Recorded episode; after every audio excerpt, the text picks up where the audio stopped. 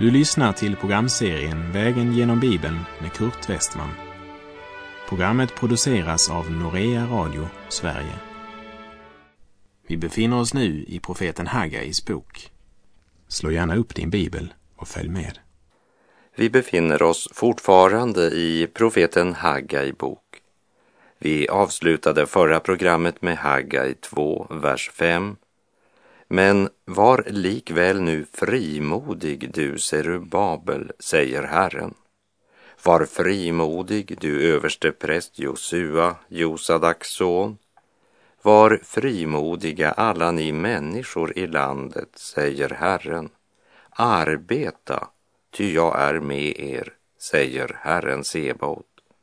När grundmuren till templet var lagt under återuppbyggnaden då var det många som gladde sig, prisade Gud och ropade högt.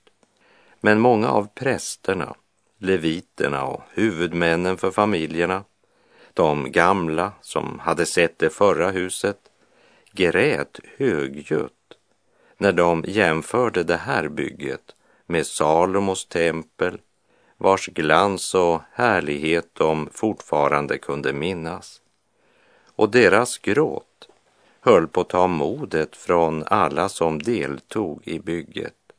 Det är då Gud uppmanar till frimodighet och ger dem en konkret befallning att börja arbeta.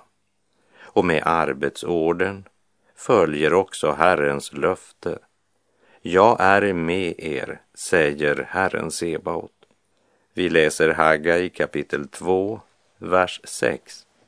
Detta löfte gav jag er när ni drog ut ur Egypten och min ande är mitt ibland er. Frukta inte. Lägg märke till att Herren säger inte ni kan väl se att jag är mitt ibland er. Inte heller säger han ni kan väl känna att jag är med er. Utan Herren pekar tillbaka på löftet han gett Gud kallade sitt folk ut ur Egyptens träldom. Och när folket på Herrens befallning drog ut ur Egypten gav Herren dem ett löfte att hans ande är mitt ibland dem. Och det löftet står fast. Löftena kunna ej svika. Det är människan som sviker. Den nya tempelbyggnaden, den var inte imponerande. Men det är inte heller byggnaden som är det avgörande. Gud påminner om sakens kärna, nämligen att Herren själv är mitt ibland dem, vilket betyder långt mer än ett rikt utsmyckat tempel som bara är ett tomt skal utan Herrens närvaro. Men människan är så svag för det synliga för jordisk rikedom och yttre glans. Och dessa verser avslöjar också skillnaden mellan den helige Andes gärning i det gamla testamentet och Nya testamentets frälsningshushållning. Under det gamla förbundet så bodde han mitt ibland sitt folk. Idag bor han i den troende inte bara ibland de troende. Ty Guds kärlek är utgjuten i våra hjärtan genom den helige Ande som han har gett oss, säger Paulus i Romarbrevet 5.5. Det är verkligen en helt ny situation och en av de fantastiska fördelar vi har som Guds barn i det nya förbundet. Frukta inte, sa Herren.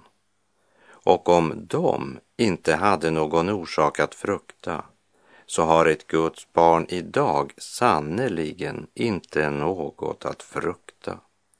Haggai kapitel 2, verserna 7 till och med 9. Så säger Herren Sebaot.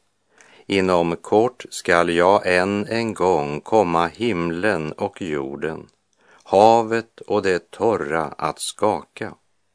Jag skall skaka om alla hedna folk och alla folkens skatter skall komma hit. Och jag ska uppfylla detta hus med härlighet, säger Herren Sebaot. Mig tillhör silvret och mig tillhör guldet, säger Herren Sebaot. Låt oss först av allt lägga märke till vad Gud nu gör. Han försöker lyfta deras blick och deras tankar över allt det lokala, synliga som de blivit så fixerade vid för att vända deras fokus till Guds suveräna plan för Israels folk. Han vill öppna deras ögon för Guds barns framtid helt till den dag då Herren triumferar och rättfärdigheten väller fram som en flod. Även för oss är det lätt att mista perspektivet på det kristna livet. Vi trycker näsan mot det fönster som heter ögonblicket och blir så upptagna av allt det synliga att vi inte ser något annat. Som du vet så kan vi föra en enkrona så nära ögat att den hindrar oss att se solen.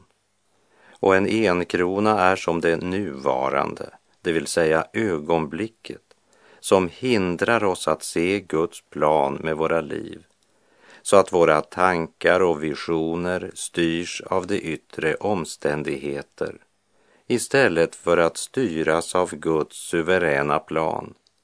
Mist inte modet om de yttre omständigheter inte ser ut att vara med dig. Utan kom ihåg att du är ett Guds barn. Och kom ihåg att för dem som älskar Gud samverkar allt till det bästa, som det står i Romarbrevet 8, vers 28. Eller som Paulus uttrycker det i Andra Korinterbrevet 4.18. Vi riktar inte blicken mot det synliga, utan mot det osynliga. Ty det synliga är förgängligt, men det osynliga är evigt.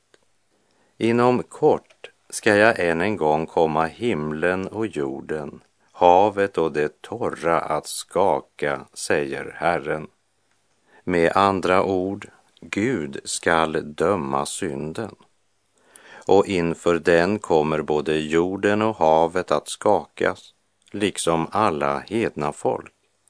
Men templet i Jerusalem ska fyllas av Herrens härlighet. Även om tempelplatsen bestod av många olika byggnader så ser Herren hela området under ett. Herodes tempel blev ju ödelagt år 70 efter Kristus innan det var helt färdigt. Och sedan dess har det inte varit byggt något tempel där intill denna dag. För idag står Omar-moskén där. Och muslimerna tänker inte tillåta att den flyttas eftersom det är en av de platser de förklarat för heliga för islam. Men trots detta skall det en dag byggas ett Herrens tempel där och då ska Herrens härlighet uppfylla templet.